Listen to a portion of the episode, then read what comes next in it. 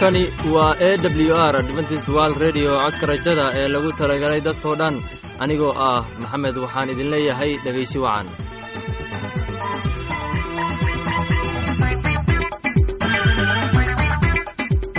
Barnaamijkeenna maanta waa laba qaybood. Qaybta koowaad waxaad ku maqli doontaan barnaamijka nolosha qoyska.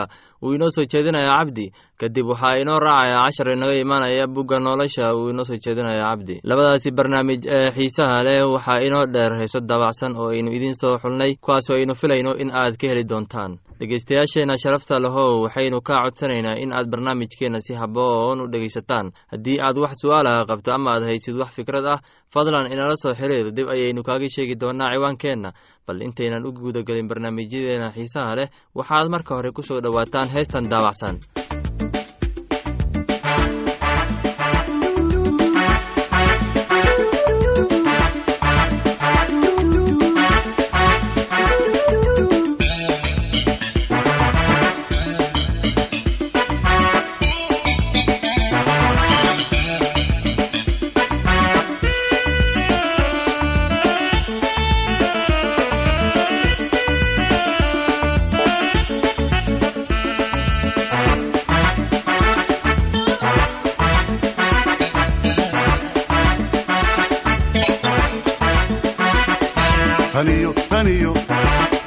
taniyo galabtuu helay aniga cashaqan igalay ma gurin mana gaagixiiney ma gurin mana gaagixiiney ma gurin taniyo taniyo taniyo galabtuu helay aniga cashaqan igalay ma gurin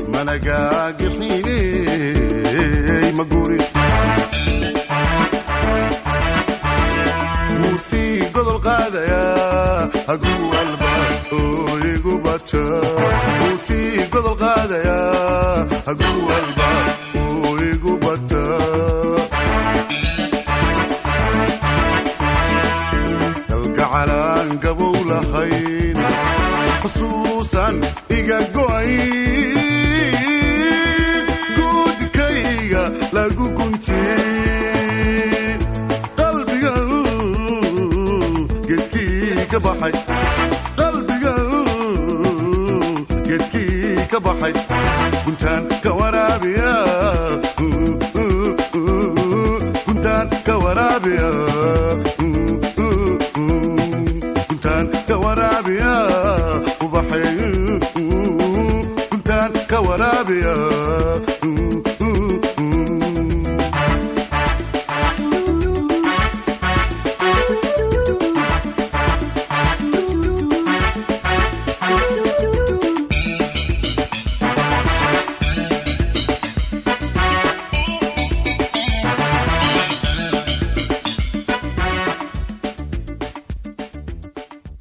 falsihood profesy nebiyo been ah dhegaystayaal maanta waxaannu ka hadli doonnaa cashar ku saabsan kitaabka quduuska ah.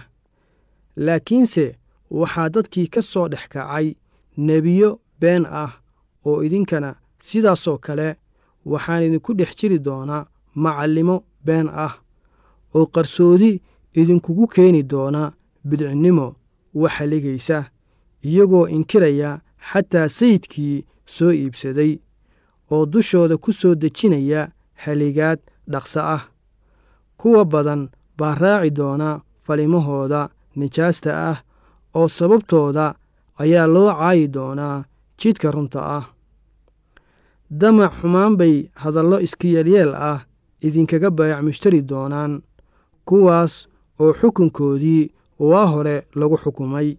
Uusan haatan raagayn haligaaddoodiina aysan gam'ayn.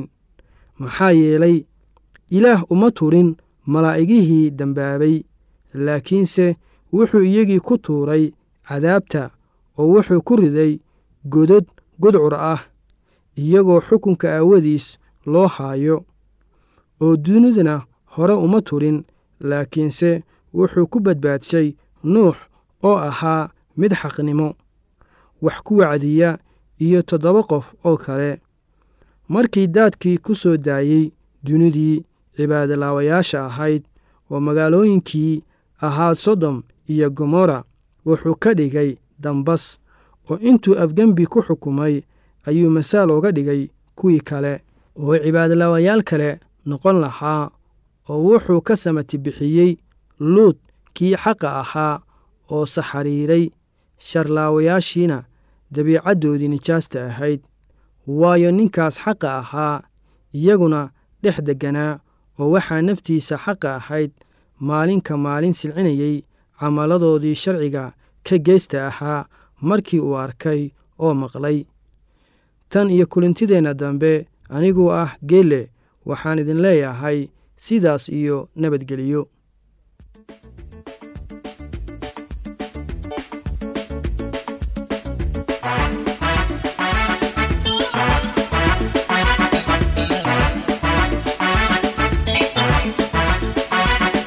taniyo taniyo goortuu helay aniga.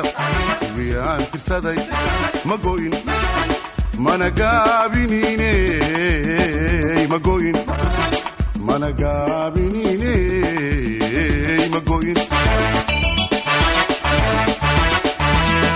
taniyo taniyo taniyo goortuu helay aniga. Wiyaan tirsaday ma go'in mana gaabinine ma go'in mana gaabinine ma go'in wuu sii godol qaadayaa gilgiilo wuu igu hayaa wuu sii godol qaadayaa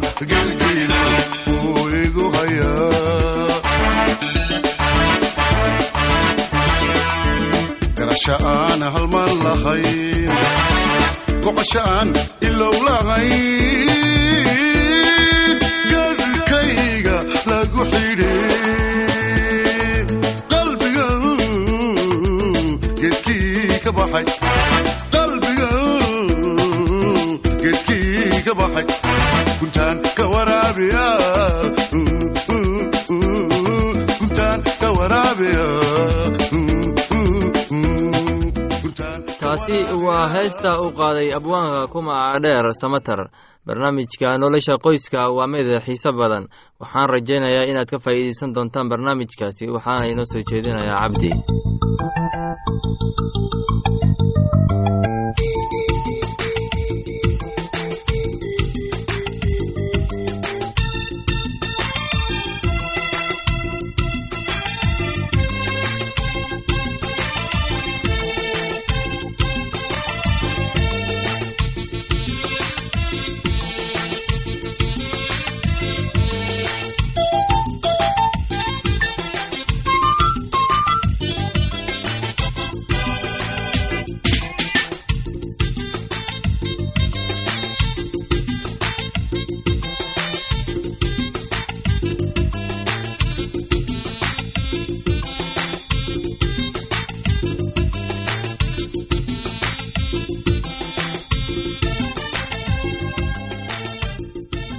dhegaystayaal maanta cashirkeennu waxa uu ku saabsan yahay nolosha qoyska. Waxaynu ka hadli doonnaa waalidka.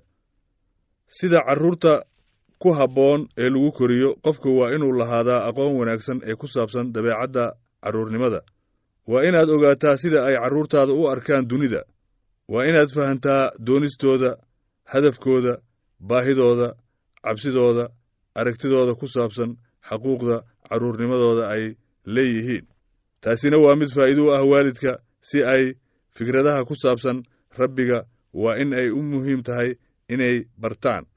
Markaasi waxaad ogaan doontaa waalidka xitaa waxay u baahan tahay saadaal ay ku daneeyaan kaalintooda waalidnimo iyo waxa ay ku qaadanayso in ay noqdaan waalidiin waxtar leh. Dhegaystayaal waalidiintu waxa ay leeyihiin natiijo daa'iman ah taana waxa ay noqon kartaa mid la bumbuuniyey laakiin ma aha xasuuso carruurnimadu waa in ay koritaanka ka helaan waalidka. Aragtidooda ay rabbigooda ka qabaan. Waa in aad ka weyn ka weynaataa tan waalidka. Cilmi baarista la sameeyey ayaa waxa ay lagu caddeeyey su'aalo ka imaan kara. Taasina xitaa fikradaha dadku waa weyn ay ku leeyihiin rabbigu in ay saameyn ku yeelan karto koritaanka carruurta khibradda waalidka uu u leeyahay rabbiga. Ka mas'uulka ah dhulkan ilaah waxa uu waalidka siiyey fursad rabbaani ah oo ay ku maamulaan nolosha carruurtooda wakhtiga daa'iminka ah. Gaar ahaan kaalinta hooyada kaga jirto taasi wakhti badan ayay ku qaadataa ama ku qadarisaa carruurta iyadoo ujeeddadeeda ay tahay in cunugeeda uu u tooso ama uu u hagaago.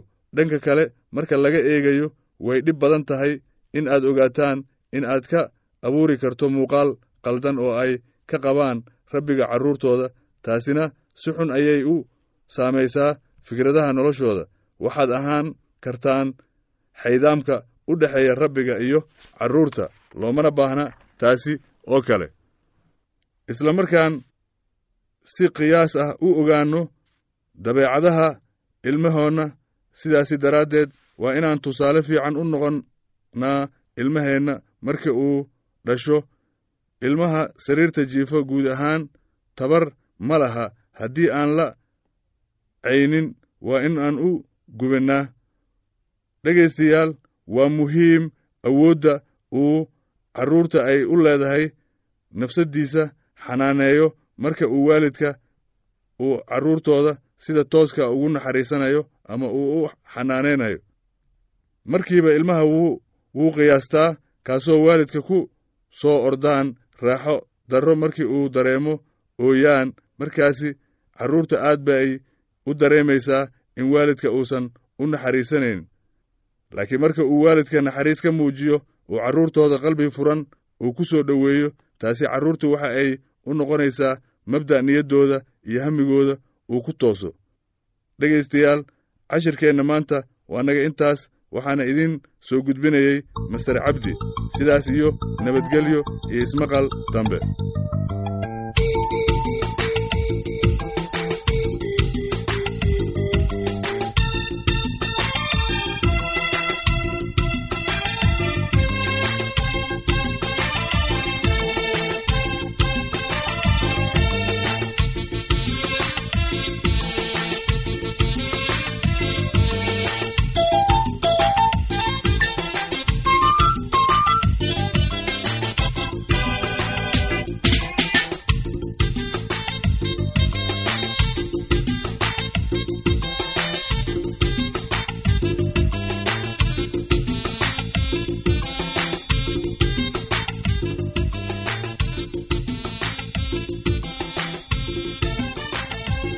waxaan filayaa in aad si habboon u dhegaysateen casharkaasi. Haddaba haddii aad wax su'aalaha qabto oo ku saabsan barnaamijka nolosha qoyska ama aad haysid wax fikrad ah fadlan waxaad inagala soo xiriiri kartaa ciwaankeenna codka rajada sanduuqa boostada afar laba laba lix todoba nairobi kenya. Mar labaad ciwaankeenna waa codka rajada sanduuqa boostada afar laba laba lix todoba nairobi kenya. Waxaa kaloo inagala soo xiriiri kartaa emeilka somali e w r at yahu dt com mar labaad imeilka waa somali e w r at yahu com. Waxaad ku soo dhowaataan heestan daabacsan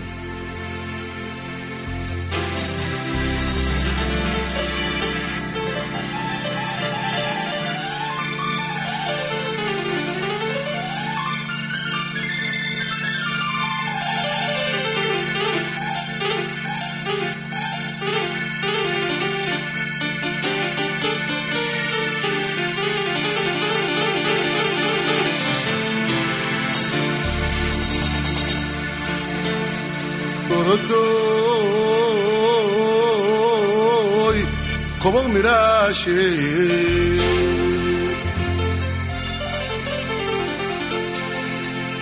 Fueron corvetido.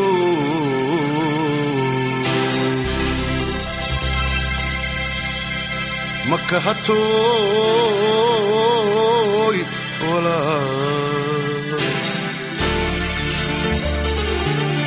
Ogni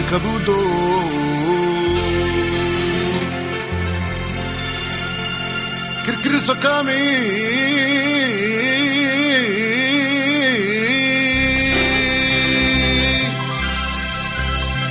Kibir dantane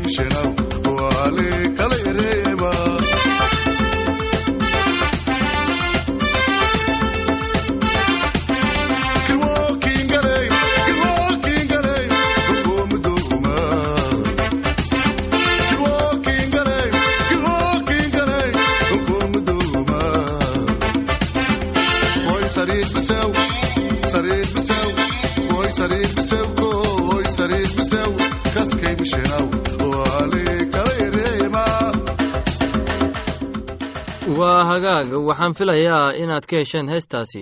Haddana waxaad ku soo dhowaataan cashar keni inaga imaanaya bugga nolosha oo ah baibalka. Cashar kenya wuxuu ku saabsan yahay muxaadarada uu soo jeediyey nebi nuux sida ku qoran kitaabka quduuska waxaana inoo soo jeedinaya cabdi ee dhegeysi u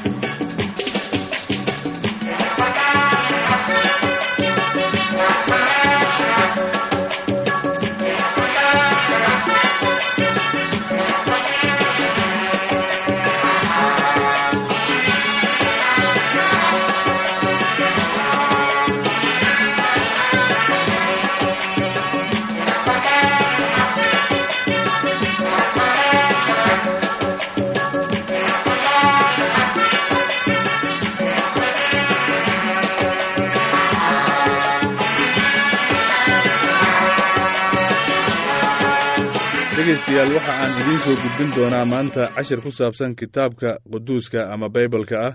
Waxaynu ka hadli doonnaa nebi nuux iyo wacdihii xukunka imaanaya. Dhegaystayaal nebi nuux wuxuu dunida ku noolaa boqolaal sano oo qaabiil iyo haabiil ka dambaysay sannooyinkaasi kumanaanka dad ah ayaa dunida ku dhashay. Dadkii dhulka degganaa waxay bilaabeen inay ka leexdaan ilaaha runta ah. Markii nuux dhashay xaalkoodii aad iyo aad buu u xumaa. Dadkuna waxay isku bilaabeen nooc dembi ugu xun. Dhegaystayaal rabbiga wuxuu arkay inuu dadka sharkiisa ku badan yahay dhulka iyo meel kasta oo fikirrada qalbigiisu ay shan keliya yihiin had iyo goorba. Ilaahna wuxuu arkay dhulka oo bal eega. Wuxuu qarribnaa waayo intii jidhka lahayd oo dhammi jidhkooday ku qarribeen dhulka oo ilaah wuxuu nuux ku yidhi intii jir leh oo dhan dhammaadkoodii aan dhammayn lahaa ayaan gaadhay waayo dhulku waxaa ka buuxsamay dulmi iyagu xaggooda ka yimid oo bal eega iyagana dhulkay la baabi'i doonaan. Markaasaa ilaah wuxuu nebi nuux ku yidhi waxaad dhistaa doonni weyn taasu waxay ahayd wax ilaahay siiyey nebi nuux iyo qoyskiisii inay baxsadaan. Xukunka xun ee dhulka ku soo socday intuu doonidii dhisayey dadkii ayuu wacdinayey wuxuuna dadkii ugu digay xukunka ka imaanayay ilaah oo wuxuu u sheegay in ilaah xanaaqi yahay oo uu iyagu dembigooda daraaddiis u wada baabbi'in doono wuxuu u sheegay inay toobad keenaan oo ay ilaahay u soo noqdaan oo ay dembiyadooda iska daayaan si uu ilaah iyaga uga naxariisto. Ilaah waa inuu ciqaabta kuwa isaga ku dembaabaa oo dhammi dadka oo dhammi waa dembiiliyaal oo waxay ku dembaabeen ilaahay. Maxaa yeelay waa dembaabatay waxaad ku silci doontaa xukunka eebbe hadduu aadan sidii nuux oo kale aadan lahayn meel aad ku magangasho ilaahay wuxuu kuu diyaariyey meel aad ku magangasho si aad ugu baxsato ciqaabtiisa. Adigu ma doonaysaa inaad ka badbaaddo xukunka ilaahay. Dhegaystayaal maanta cashirkeennu halkaas ayaan ku soo gebagabayn doonnaa. Ismaqal dambe iyo dhegaysi wacan iyo hurdo caafimaad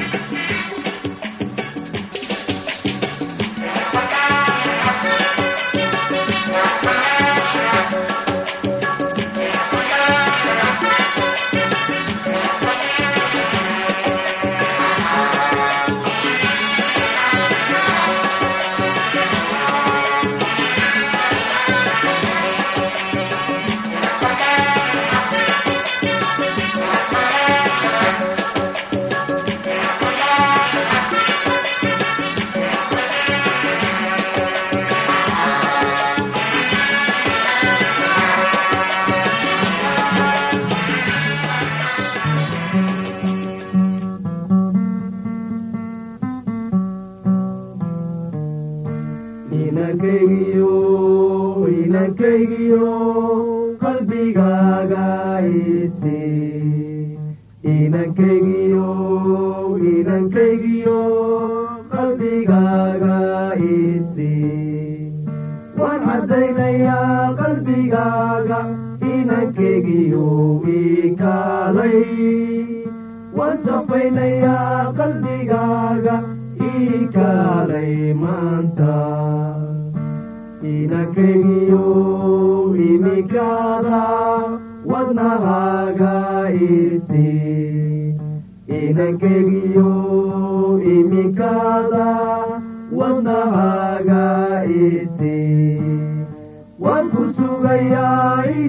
inankaygiyo imikaada ikaalay waan ku sugayaa inankaygiyo ikaalay maanta inankaygiyo imikaada dembigaaga ikeen inankaygiyo imikaada wadnahaaga waan ka saarayaa dembigaaga imikaada ikaalay waan ku sugayaa inankaygiyo ikaalay heestaasi waa hees nebi amaani ah dabcan soomaalidu waxay ku maamahday aqoon la'aan waa iftiin la'aan. Haddii aad wax su'aala aad haysid ama aad qabto fadlan inala soo xiriir bal soo diyaarsada qalin iyo qardaas. Aad ku qoratid ciwaankeenna casharkaas inaga yimid bugga nolosha ayaynu ku soo gogoweyneynaa barnaamijyadeena maanta. Halka aad inagala socotiin waa laanta afka soomaaliga ee codka rajada ee lagu talagalay dadkao dhan. Haddaba haddii aad doonayso in aad wax ka kororsato barnaamijka caafimaadka ama barnaamijka nolosha qoyska ama aad doonayso in aad wax ka barato bugga nolosha oo ah baibolka fadlan inala soo xiriir. Adoo waraaqaa ku soo hagaajinaya codka rajada sanduuqa boosada afar laba laba lix todoba nairobi kenya. Mar labaad ciwaankeenna waa codka rajada sanduuqa boostada afar laba laba lix todoba nairobi kenya. Waxaa kaloo inagala soo xiriiri kartaa emeilka somali e w r at yahu dt com. Mar labaad imeilka waa somali e w r at yahu dt com. Anigoo ah maxamed waxaan idin leeyahay sidaas iyo nabadgelyo. Kuna soo dhowaada heesta soo socota